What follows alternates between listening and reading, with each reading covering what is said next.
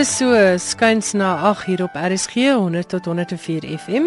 Dis Woensdag aand. Ek is Elsje Salzwetel en natuurlik is dit nou tyd vir skrywers en boeke. Vir mense wat dalk oor see woon en wat verlang na Afrikaans en wat verlang na RSG, herinner hulle dat hulle kan saamluister op die wêreldwye web by rsg.co.za. Baie dankie vir al die eposse en die terugvoer wat ek kry na elke program. Daar was heelwat navrae oor Suske Julius se voordrag so week of 2 gelede. Ongelukkig is dit nog glad nie beskikbaar in druk nie.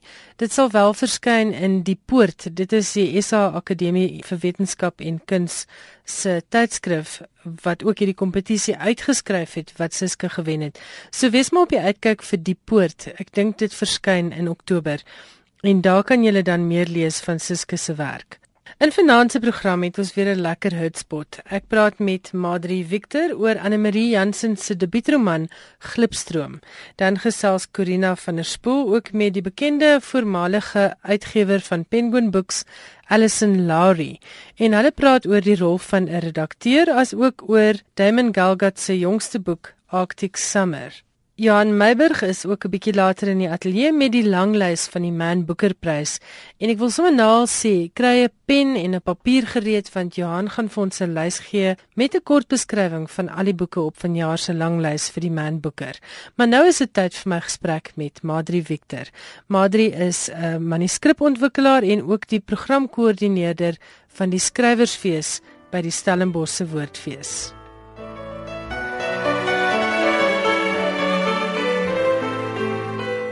Madri, baie welkom en baie dankie. Hallo Ilse, dankie. Ons praat vanaand oor Anne Marie Jansen se boek Glipstroom. Nou, jy was die manuskripontwikkelaar op hierdie projek en jy en Anne Marie het baie lank saamgewerk aan Glipstroom se ontwikkeling en om hom heeltemal eksie perfeksie te kry. Vertel gou vir ons kortliks en sonder om na die geheime weg te gee meer van die storie. Dankie Ilse. Ja, ek het baie lekker saam met Anne Marie gewerk en sy het baie hard gewerk aan hierdie manuskrip en aan hierdie boek. Glipstroom is 'n tipe inisiasieverhaal of 'n coming of age verhaal. Anne Marie Jansen vra vrae soos wat beteken verlange, begeerte, liefde, belustigheid? Wat is nodig om 'n huwelik te laat hou? Die hoofkarakter van Glipstroom, Maya, wil klaarheid hê oor die verskil tussen liefde en belustigheid. Sy sê op 'n stadium in die in die roman Ek wil jonk wees, jagsyd, verlange en begeerte verstaan. Ek het nodig om my eie en ander se beweegredes te herken. Nie net om my eie lyf te voel nie, maar te weet waar die grense lê van die emosies wat my so blootsry. Want as ek baie eerlik moet wees, is ek nou op 28 gereduseer tot 'n draadsitter. Agter sitplek bestuurder en tweede vioolspeler. 'n Naas beste lewe ontken tog die passie wat 'n mens dryf. En sonder passie gaan ek waaragtig nie in my eie vel pas nie. Die verhaal word baie interessant aangebied en sy probeer eintlik haar lewe in oënskou neem en en kyk na wat is dit vir wat belangrik is in 'n verhouding? Ek weet wat het sy nodig? Wat het met haar gebeur tot dusver en en hoe beïnvloed dit haar lewe vorentoe? Madri, kom ons praat oor die aanbieding. Jy het vroeër vir my gesê die verhaal word op 'n baie besonderse manier aangebied. Dis reg, ja. Die verhaal speel kronologies af in 1992 en 93 maar die vertelling word dan volgens ruimte onderskeidelik die Soutpansberg en die Kavango en die jaartal opgedeel en daar is twee parallelle verhale aangebied deur middel van splitsing. Met ander woorde in die een verhaallyn, die van gebeure in 1993, sien ons Maya se lewe saam met haar man Louis op 'n konstruksiesite in die Kavango. Sy is die enigste vrou daar en hieroor dink sy eintlik wat die vorige jaar gebeur het. Sy trek saam met haar man Kavango toe. Hy werk vir 'n konstruksiemaatskappy en hy is dan nou verplaas om 130 km van die nuwe Transkaprivi hoofweg te bou. Die ander verhaallyn wat ons kry is die een van die voorafgaande jaar 1992. En hier ontvou Maya wat toe onderwyseres was, se ontluikende vriendskap en verhouding met die kunstenaar Lem de Swart. In die Kavango 1993 nou, leef Maya in die glipstroom van die vorige jaar. So alles wat toe gebeur het, beïnvloed haar lewe en wat sy daarvan dink. Sy is 'n kreatiewe mens, vasgevang voel in die alledaagse, eenvoudige bestaan wat sy in Kavango voer. Sy begin daar 'n koeka shop om haar besig te hou, maar sy kom gou agter dat dit nie haar aandag aftrek nie en ook hierdie verlange na lemde swart besweer nie. So sy hinker die hele tyd terug na die vorige jaar die, in die Soutpansberge waar sy 'n voller lewe gehad het. Sy soek 'n lewe waarin daar opwindende dinge gebeur. Sy het meer nodig as beskuitbak, Lennon Cowan, ou episode van Vet Palace en al die boeke wat uit Suid-Afrika kom. En daar's eintlik op die padkamp niemand met wie sy kan gesels en hierdie goed bespreek nie. Jy weet Louis haar man is nou nie eintlik iemand wat wat lang filosofiese gesprekke met haar gaan voer nie en hy neem baie dikwels besluite namens haar en en verstaan nie haar kreatiwiteit nie. So deur die middel van hierdie opbreek van die verhaal in twee verhaallyne plaas Annelie Jansen eintlik struktureel die Kavango en die Soutpansberg as uiterlike ruimte net soos Maya se innerlike landskap teenoor mekaar. In die Soutpansberg is Maya energiek besig betrokke en waghaalsig in die Kavango se lusteloos, onseker, eensaam en emosioneel verlore. En die twee mans in haar lewe, Louis Hartman en Lem, die kunstenaar wat sy Soutpansberg leer ken, is ook heeltemal uiteenlopende mense. Wat wat dit interessant maak is dat sy parallelle deurtrek en dat sy nie net die ruimtes nie, maar mense teenoor mekaar afspeel en met dit speel sy in op wat is nodig vir 'n verhouding en jy weet wat soek 'n mens in 'n verhouding. Want albei hierdie man vervul haar op 'n vreemde manier. Albei van hulle dra by tot 'n deel van haar en sy moet op die einde besluit wat is die belangrikste vir haar. Met ander woorde, dit gaan oor hierdie innerlike worsteling en dit gaan uiteindelik oor baie groot lewensvrae. Ja, ek dink so. Dit is 'n liefdesroman, maar dit vra definitief groter vrae as dit. Annemarie raak ook interessante temas aan. Jy weet Louis was byvoorbeeld in die Grensoorlog en hy het nooit soos mans van daai tyd nooit terapie ontvang om die trauma te verwerk waaraan hy blootgestel is nie. En dit beïnvloed baie sterk hoe hy optree en hoe hy spanning hanteer en die feit dat hy nie met haar praat. Maya is ook nie onsensitief teenoor dit nie en verstaan dit. En ek dink dit is nogal dis belangrike temas wat aangespreek word. Ja, en ek dink as as jy so iemand terugvat basies na die omgewing waar die grensoorlog afgespeel het, maak dit die verhaal nou nog baie interessanter. Absoluut. En Annelie het 'n manier om baie mooi ruimte te omskryf en sy gebruik ook dit in 'n breër sin. Sy lig baie keer kwessies uit deur middel van ruimtebeskrywings. 'n Voorbeeld hiervan is byvoorbeeld aan die begin van die verhaal wanneer Maya nou in die Kavango arriveer, slaap sy en Louis vir die eerste nag oor by 'n sendingstasie. Op bladsy 13 kry ons die volgende beskrywing. Ons stap deur 'n suurlemoenboot na ons kamer in 'n lang gebou met 'n lae dak en rye kamers soos in 'n koshuis. Dit is waar die jong Duitse en Nederlandse nonne bly wat op die sendingplaas kom werk, vertel Louis. Vrywilligers werk in donker Afrika. Die mystiek daarvan steeds onweerstaanbaar vir die Europeërs. Ons kamer is aan die punt van die gang. Twee grys skateltjies staan teen mekaar. 'n Houtkassie met 'n kers en 'n blaker en vier houtjies daarop staan langs die beddens. Teen die oorkantste muur is 'n houthangkas met 'n kakie mensmou van Louis wat daaruit steek. Daarnaas 'n kantoorstoel met 'n uitgeholde sitplek. Louis het 'n foto van ons twee op die vensterbank staan gemaak. Ons lê in vlakbranders en lyk sorgeloos. Dit was die see vakansie saam met my ouers, my suster Marike en Louis, net voordat ons getroud is. Ek kyk weg buitentoe. Die vensters met die breingordyne maak op die poort oop. Die kragopwekker stotter skielik terwyl Louis die twee tasse teen die kas neerplak. Ek ruk van die skrik deur die boot slaap 'n donker grys kat. Nou op hierdie punt van die verhaal weet die leser nog nie van die onderliggende spanning tussen Louis en Maya nie en ook nie van haar onsekerheid binne hulle huwelik nie. Maar Anne-Marie berei jou baie subtiel daarop voor met hierdie ruimtebeskrywing. Die sendingstasie se tuin wat 'n lushof is, plaas hy direk teenoor die bar binnekant van Louis en Maya se kamer. En dan Maya se wegkyk van die foto uit 'n gelukkiger tyd die stotterende kragopwekker, die sluipende grys kat. Dit alles wys eintlik simbolies op die omvang van haar onvervulheid, haar skuld, die sukkelende verhouding en die gevaar waarin hulle huwelik verkeer. En dit is maar een van die voorbeelde wat ek kan noem, ehm um, sy gebruik dikwels ruimte jy weet op hierdie manier om om meer te wees as net 'n ruimtebeskrywing. En sy het 'n baie kenmerkende styl. Sy skryf poëties sonder dat dit ooit na mooi skrywery klink. Sy sy neem baie fyn waar. En ek dink sy het nogal 'n 'n goeie begrip vir die menslike siege. Die stukkies wat jy gelees het, wys dat sy ook 'n besonderse taalbeheerstheid het, né? Ja, beslis. Daar's niks ekstra of ehm um, klise in haar beskrywings nie. Nee, ek dink dit was wat my so lekker was om hiermee te werk ook is dat die klise's is uitgesny. Sy neem fyn waar en sy beskryf dit op 'n nuwe vars manier sonder dat sy te veel woorde gebruik ja, ek dink dit is dis baie goed beskryf. Vir wie sou jy hierdie boek aanbeveel, Madri? Wie gaan dit geniet? Ek dink jonger vrouens sal beslis kan identifiseer hiermee wanneer jy op daai tydperk in jou lewe kom waar jy dit wat jy voorheen gedoen het en wat jy ervaar het 'n bietjie in oënskou neem. Enige iemand wat al ooit in die Kavango was of daar gebly het, sal beslis hiervan hou. So dit beskryf dit baie uh, helder en duidelik. Dit dit vat mense terug na daai tydperk en die nostalgie daarvan. Maar ek dink vroue oor die algemeen sal kan identifiseer met Maya se soeke en haar soektog vir wat belangrik is. Ek dink die fokus hier is definitief op Maya se ontwikkeling en hoe sy die man in haar lewe ervaar. Hmm. Maar wat my interessant was van die verhaal is dat sy altyd van hierdie mans eintlik op so 'n manier uitbeeld dat jy agterkom die verlede speel 'n baie belangrike rol in hoe mense optree en die een is nie noodwendig beter as die ander een nie. Mm. Jy weet die romantiese beeld van 'n kunstenaar wat jou sy misse noem en vir jou skilder en jy weet hierdie liefdesverhouding met jou het, is nie noodwendig beter as 'n man wat wat altyd daar is vir jou nie. Vals rivier was 'n sterk debuut en ons weet nou van al die pryse wat Dominique Botha daarmee gewen het. Jy het nou ook die woord coming of age roman hier genoem en Dominique se Valsrivier is 'n beeldingsroman genoem. Maar miskien moet ons net vir die luisteraars sê presies wat word bedoel met die term beeldingsroman of coming of age novel of wat ook al. Hoe sou jy dit beskryf?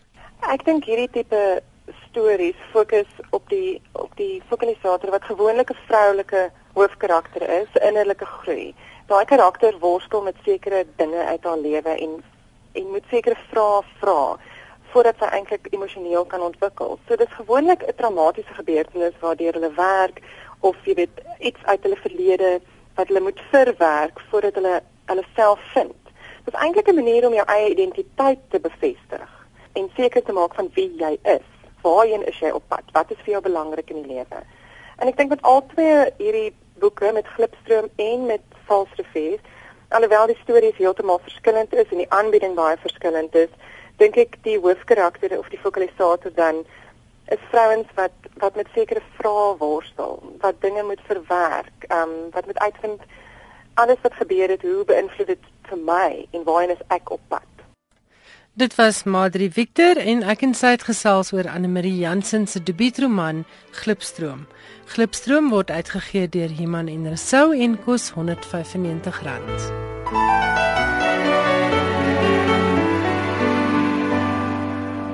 Jy is ingeskakel op RSG 100 tot 104 FM. Ek is Elsje Salzwetel en jy luister na skrywers en boeke. Nou gesels Corina van der Spool met die voormalige uitgewer van Penguin Books, Alison Lowry. I have in the studio with me Alison Lowry. She's famous former editor of and publisher of Penguin Book South Africa, where she worked for 23 years. And now you work as an independent editor. Hello, Alison. Hi, Karina. Thank you for inviting me. I say famous because you have really been followed by writers. Um, writers really have indicated that they would like you specifically to edit their books. And one such a writer that we that I want to talk about with you tonight is Damon Galgut. Now, Galgut is the author of, amongst others, The Good Doctor, The Imposter, and his last book, In a Strange Room, was shortlisted for the Booker Prize. Yes, it was. So was The Good Doctor. And now his latest book is called Arctic Summer. Maybe you can say a little bit about what it is about. It, it deals with a period in the novelist E.M. Forster's life, which was from him as a, a man in his 30s and the period that that led up and informed the writing of his probably his most famous novel, A Passage to India. So it's almost as much about a period in this particular man's life as well as the writing of a novel and whether in fact he would ever have written a passage to India without the the things that were happening in his own personal emotional life at the time. Yes, I mean, I remember I read the book for coursework at university, and then I remember seeing the film, which is the David Lean film of 1984, which is a brilliant film. Yes, absolutely. And it's that, of course, everything hinges on that crucial point of what happened in those caves, the Malabar Yes. caves. Yes. And this is really a reconstruction, uh, Damon's novel, about what it could have been. Yes, I, I think that is that is the key part or point to the novel is is that element that is unexplainable. Not everything is explainable, and not even to yourself as you are working through things. So there there's there's a magic perhaps in reimagining this period and giving the reader a, a, an insight and an understanding into the mind of a man, quite a troubled man, whose homosexuality was not, he was never able to really um, play that that part in his life. But he had two great loves, and both of them obviously were men, and one was was one of the pe- the people who features in a passage to India, and it's it's pulling in those pieces of the fabric, but not actually explaining the workings of a, of an intellectual mind completely. Damon uses historical materials. He uses Foster's diaries and his letters, also working with his published work. Is this a perfectly historically true novel? Absolutely, in terms of the time span, the facts, the the people, the real people in in his life, how he spent time during the war in Alexandria. Um, historically, it's it's completely accurate. But what Damon does is he writes in the man's head, so you don't know what Forster's conversations were. For example, with the poet Cavafy in in Alexandria. That was one thing I wanted to ask. Was that did they indeed meet? They did indeed meet, and Forster was was the one who was responsible for getting Cavafy's poems into into the world, if you like. And he was he's he's known for that, but the actual conversations of this rather timid man going to meet this poet and trying to understand his interior world, and getting him to you have this wonderful imagery of, of the two of them sitting in this room with Cavafy kind of reluctantly reading his poems because you won't understand them. And this relationship that they built up, it's beautifully reimagined. It's, it's I think, probably one of the most interesting relationships in, in this period in his life. Yes, it is a really interesting part of the of the novel for me. Now, as an editor and your relationship to a writer, maybe specifically to Damon, Damon is one uh, author who, when you left Penguin, insisted that he would follow you. He wanted you to still edit his work. What is this relationship between a writer and an editor? I think with me and Damon, I've known him since he was 16. So it's a long friendship and it's a long literary friendship, if you like. Um, so I've got to know how he works, how he, not entirely how he thinks, but how he approaches his work. Mostly our relationship is talking. We talk about everything. And I don't have to do a great deal of work, if you like, into into Damon writes beautifully. He writes beautiful sentences. He knows why he has a comma here and why he doesn't have one there. So there are are things that that perhaps a less experienced editor might might sort of ride roughshod over. So perhaps over the years I've I've got that trust from some of the authors, not only Damon obviously, but some of the authors that I've worked with, is that you need to never forget whose book it is. I think that's quite key and quite a, a a bit of a mistake in less experienced editors, perhaps, where they think they'll just roll up their sleeves and fix it. But it's not as simple as that. Editing is mostly listening. And I think it's very different when you when you approach fiction and non-fiction. So I, I work comfortably in both. But in fiction, it's it's a really bad idea for an editor to pick up a red pen and start fixing somebody's sentence that they've probably agonized over for, you know, three years, and then to just say, "Oh, I could say it better like this. You have to understand why it got to be that shape. But you also, with perhaps a novelist who is starting out or who hasn't written very much or is doing something a little bit too ambitious, is to look at structure and plot and narrative and just be able to take a, a step back and say, you know, have you thought about this? Or this doesn't quite work for me here. Or would this character actually say it in this way? That doesn't seem right to me. So it's reflecting the text back at the author and asking the author to do the work. And ultimately, it's that writer to say, no, I'm fine with it that way. That does ring true for me. And letting, letting it be. Now it's sounding to me like a therapist patient situation. you know, in this time of where self-publishing is really getting a lot of headlines and where Amazon makes it possible for anybody really to put on their self-published book. Do you think a writer needs an editor? I think it depends. You need to take that conversation back to the writer's expectations. What is the, and I, I, and it's quite extraordinary how many writers don't actually think about that when they when they finish they put their last full stop on their book. They just want it to be out there. They have a great story to tell, and the world needs to know about it. The thing is, it's never been easier to get published, and an Amazon platform or a self-published platform or a vanity publisher, you can call them what you like, fulfill a role and not everybody requires what editing really is. What they actually mean by editing is, I think I just need my grammar fixed up a little, or I'm not so good with paragraphs, or, you know, just check my spelling, which is, is a proofreader, really. Yes. Um, so what can a writer expect from an editor?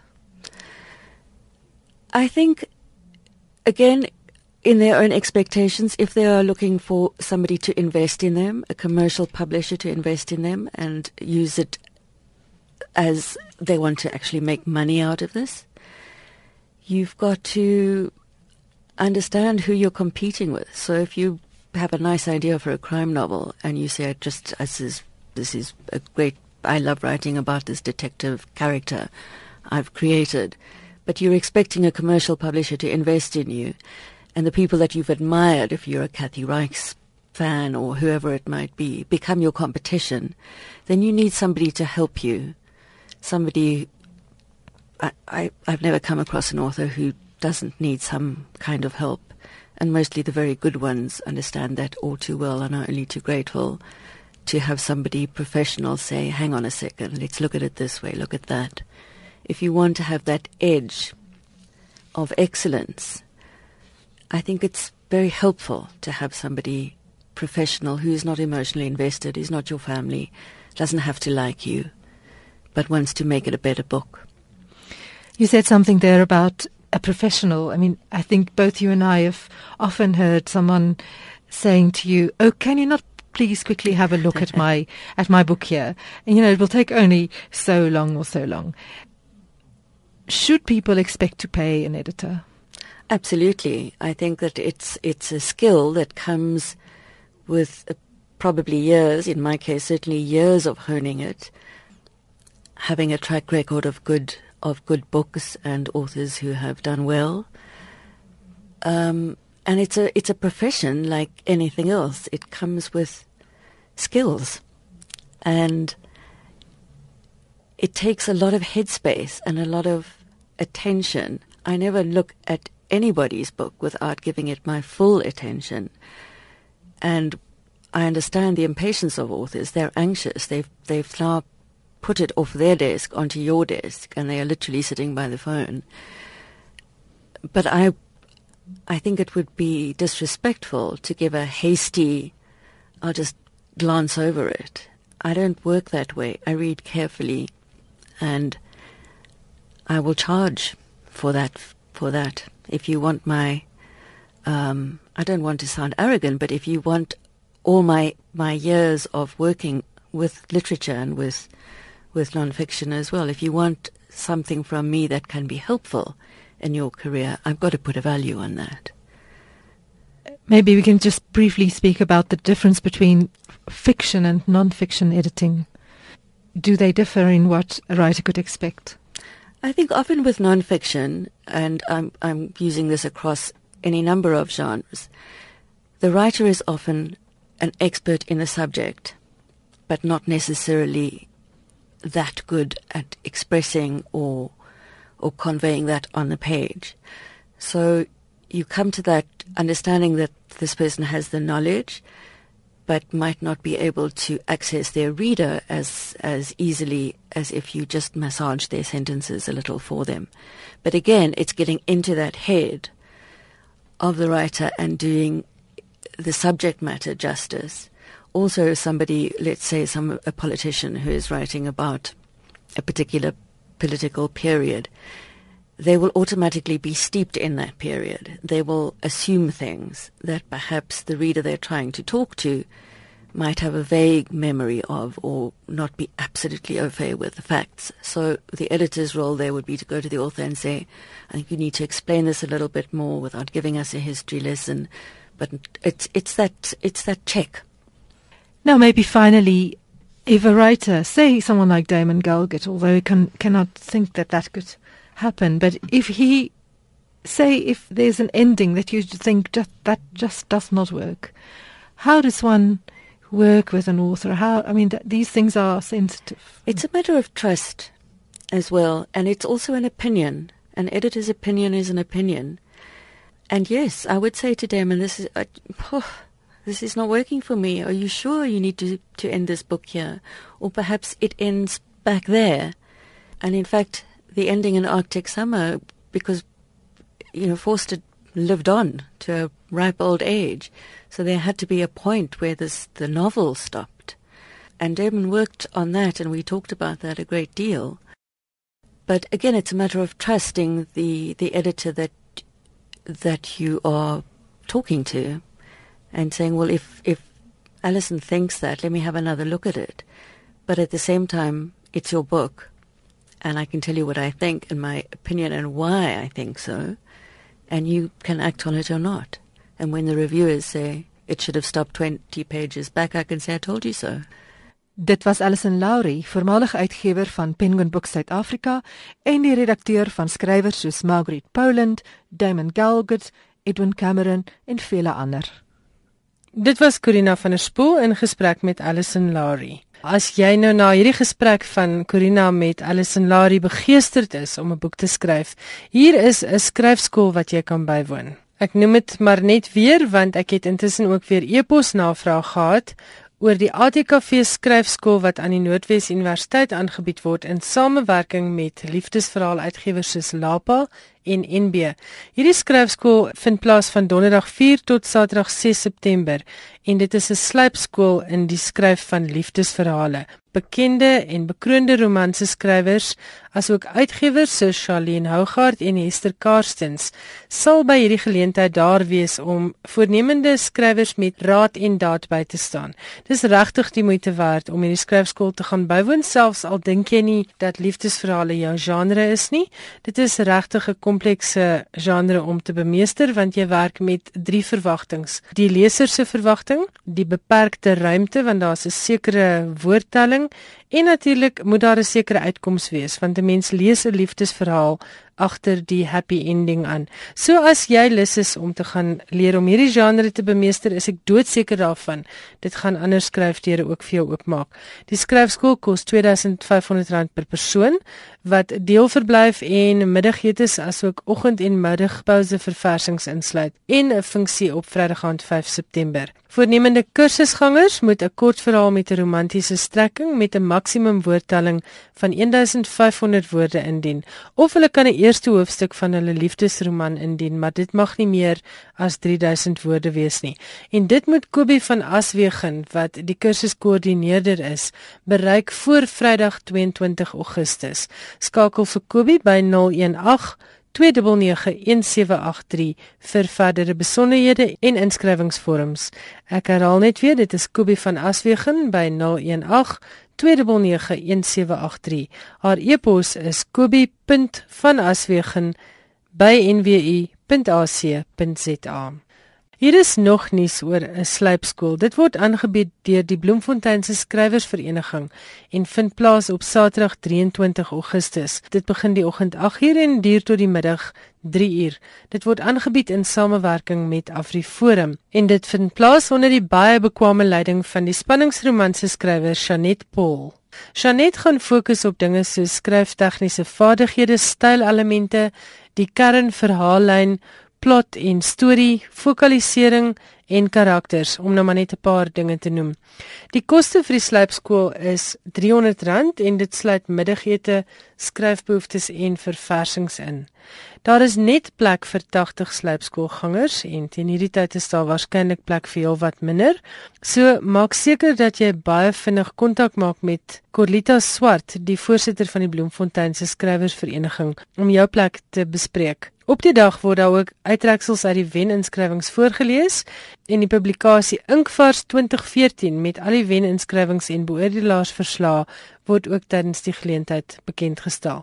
Jy kan vir Corlita skakel by 073 388 3377 of jy kan 'n e-pos stuur na bloemsv@gmail.com www.bloemfontein.com. Daar's ook 'n beurs wat geborg word deur die Bloemfontein se skrywersvereniging vir 'n belowende skrywer wat dalk nie die fooi van R300 kan bekostig nie.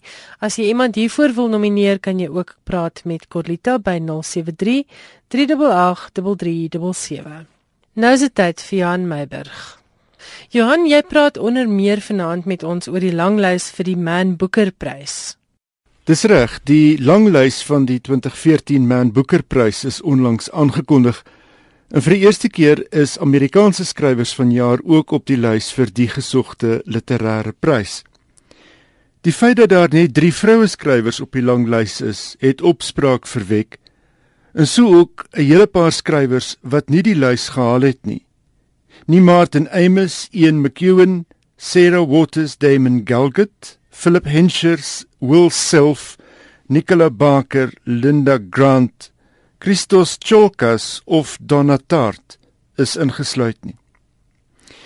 In alfabetiese volgorde lyk die lys 13 benoemdes so.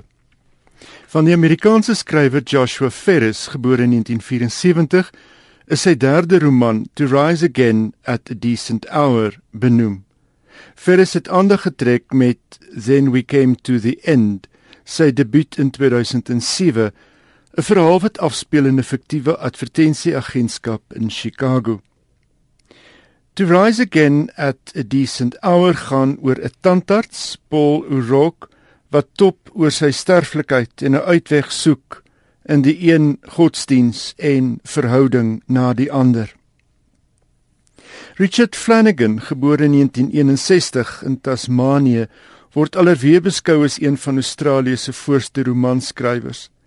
Sy sesde roman, The Narrow Road to the Deep North, is vir die Man Booker benoem.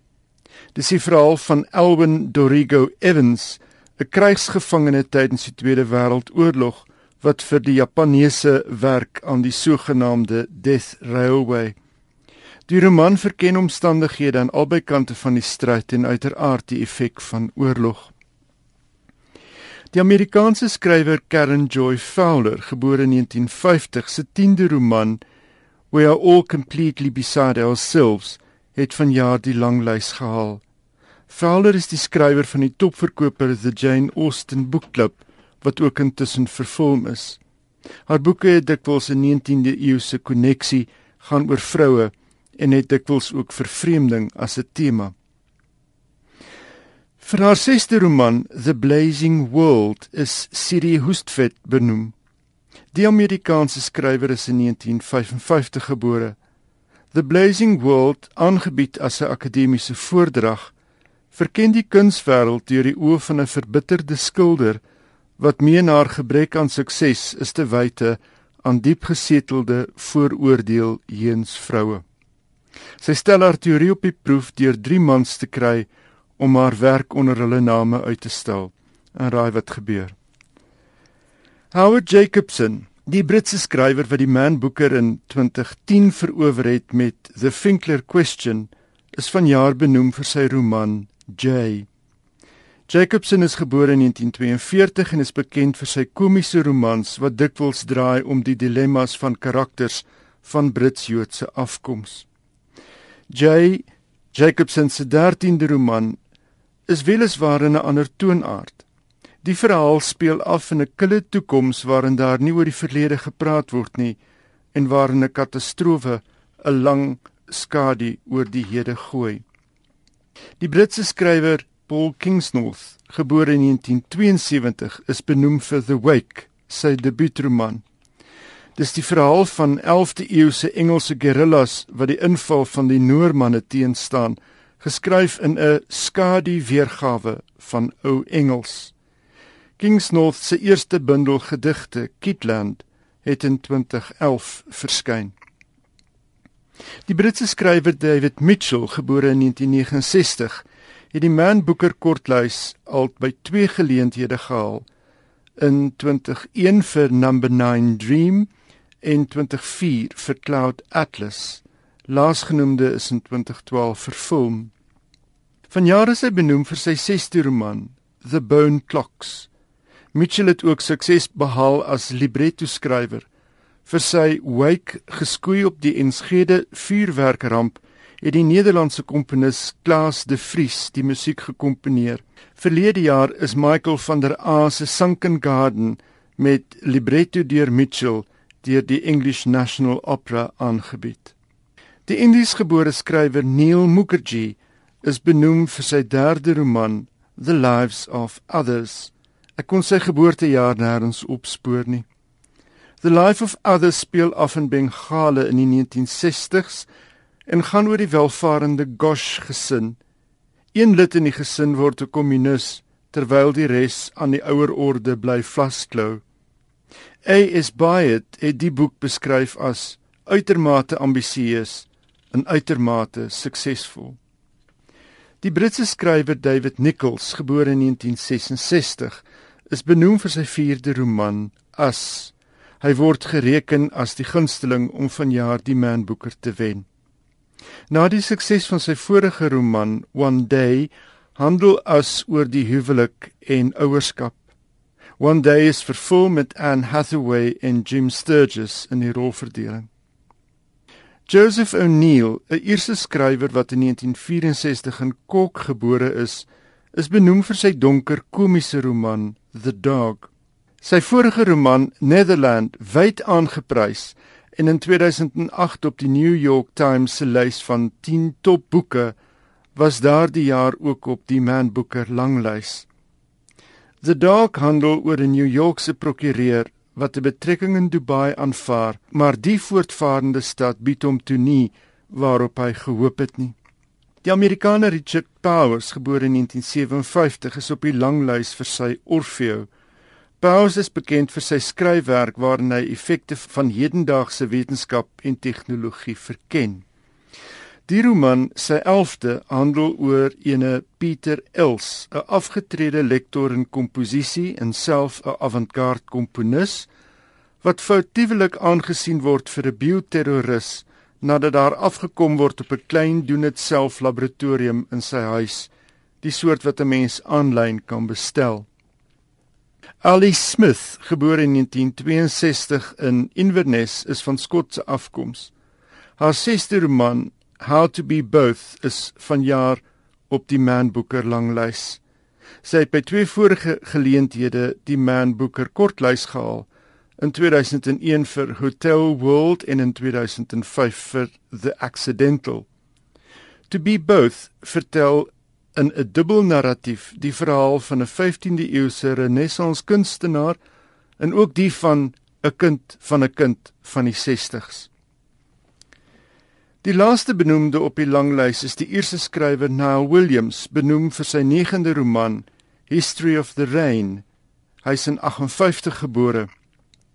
Williams is bekend vir sy debuut Four Letters of Love wat wêreldwyd 'n topverkoper was. Sy benoemde boek handel oor 'n bedlêende Ierse vrou wat haar oorlede pa se boekery, die een boek na die ander deurwerk terwyl sy luister na die reën op die dak. Dit word beskryf as 'n viering van boeke, liefde in 14 hektaar van die beproewendste plaasgrond in Ierland. Die kortlys word op 9 September aangekondig in die wenner op 14 Oktober.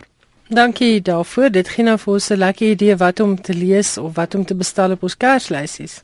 Dit is altyd 'n 'n wonderlike lysboeke wat dan die, die lang lys haal. Nou het jy 'n bietjie nuus oor 'n skrywer, 'n bekende skrywer en sosiale media. Ja, dit gaan oor Naomi Wolf. Sy is die vrou wat in 1991 wêreldwyd roem verwerf het met haar eerste boek The Beauty Myth, waarin sy aanvoer dat die normatiewe waarde van skoonheid sosiaal gekonstrueer is en dat patriargie die voorstelling van wat skoonheid is bepaal en tot sy eie voordeel gebruik. Nou Facebook het die Amerikaanse skrywer en sosiale kommentator verlede week gewaarsku dat haar profiel van die sosiale media platform verwyder kan word. Die stap kom nadat Wolf op Facebook geskryf het sy het uit 'n sinagoge geloop nadat die voorgangers daar geweier het om die bloedvergieting van burgerlikes in Gaza te veroordeel. Beeldmateriaal wat Wolf van bronne in Gaza op haar Facebookblad gepubliseer het, is ook gesensor. Die waarskuwing het ek ontvang, het sy gesê, waarskynlik as gevolg van beeldmateriaal van gewondes en sterwendes in Gaza wat besorgde individue op my blad gelaai het. Wolf het na die sinagoge insident geskryf: Ek treur oor die menseslagting in Gaza omdat ek die kleindogter is van 'n familie wat bykans uitgewis is deur die Joodse menseslagting in die Tweede Wêreldoorlog. Ek ken menseslagting as ek dit sien. Mense vra waarom ek kant kies. Daar is nie kante nie. Ek treur oor iedere slagoffer. Al wat 'n internasionale wet is, is oortree toe burgerlikes in Gaza geteken is.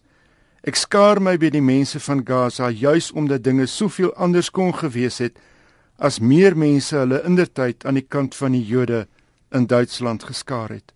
Ek het in die sinagoge gesit en wag dat iets oor die slagting gesê moes word. Nie 'n woord nie. Toe loop ek. Wolf het na haar optrede en uitlatings na aanleiding van die onlangse optrede van die Israeliese weermag in Gaza heelwat steun gekry. In net meer as 3 weke is 1500 Palestynë dood. Oor Facebook se sensuur het sy haar beroep op 'n stelling wat sy in 1995 oor abortus gemaak het. Die argument dat die waarheid aanstoot gee, is die wese van skynheiligheid. Sjoe, dis stof tot nadenke, né? Want as sosiale media nou al vir ons wil voorskryf wat ons daarop mag sê of nie oor iets is 'n menseregte kwessie, dan is dit 'n slegte dag. Dan is ons terug by sensuur. Dan is ons inderdaad daar. Dit was dan Jan Meiburg wat altyd sorg vir ons baie lekker internasionale boeke bydraas. Ons is byna aan die einde van finansies skrywers en boeke maar ek herinner net weer vir oulaas aan die 14 Augustus wat koop 'n Afrikaanse boekdag is. Hierdie inisiatief wat deur die Vriende van Afrikaans gereël word, vind al sedert 2004 plaas. Op die 14 Augustus gaan daar ook baie boekwinkels wees wat spesiale afslag gaan bied op Afrikaanse boeke. So moenie vergeet nie die 14de Augustus is koop 'n Afrikaanse boekdag. Die tyd het ons nou ongelukkig ingehaal. Ek hoop jy het vanaand se program geniet en dat jy volgende week hierdie tyd tussen 8 en 9 weer sal inskakel op RSG om saam te luister na skrywers en boeke. As jy van jouself wil laat hoor, ons e-posadres is skrywersenboeke@rsg.co.za of stuur 'n SMS na 3343. Elke SMS kos R1.50. As jy 'n deel van finansie program misgeloop het of as jy dalk weer na die program wil luister, dit is saam met baie van ons ander programme op RSG se webwerf. Klik eenvoudig op rsg.co.za en dan volg jy die skakels na Potgoeie en daar sal jy dan 'n lys kry van al ons programme wat op Potgoeie beskikbaar is. Nou ja, tot volgende Woensdag aand groet ek Elsje Salzwetel. Ek hoop jy geniet die res van die aand. Bly ingeskakel want ons het nog wonderlike musiekprogramme en ons gesels volgende week weer. Totsiens.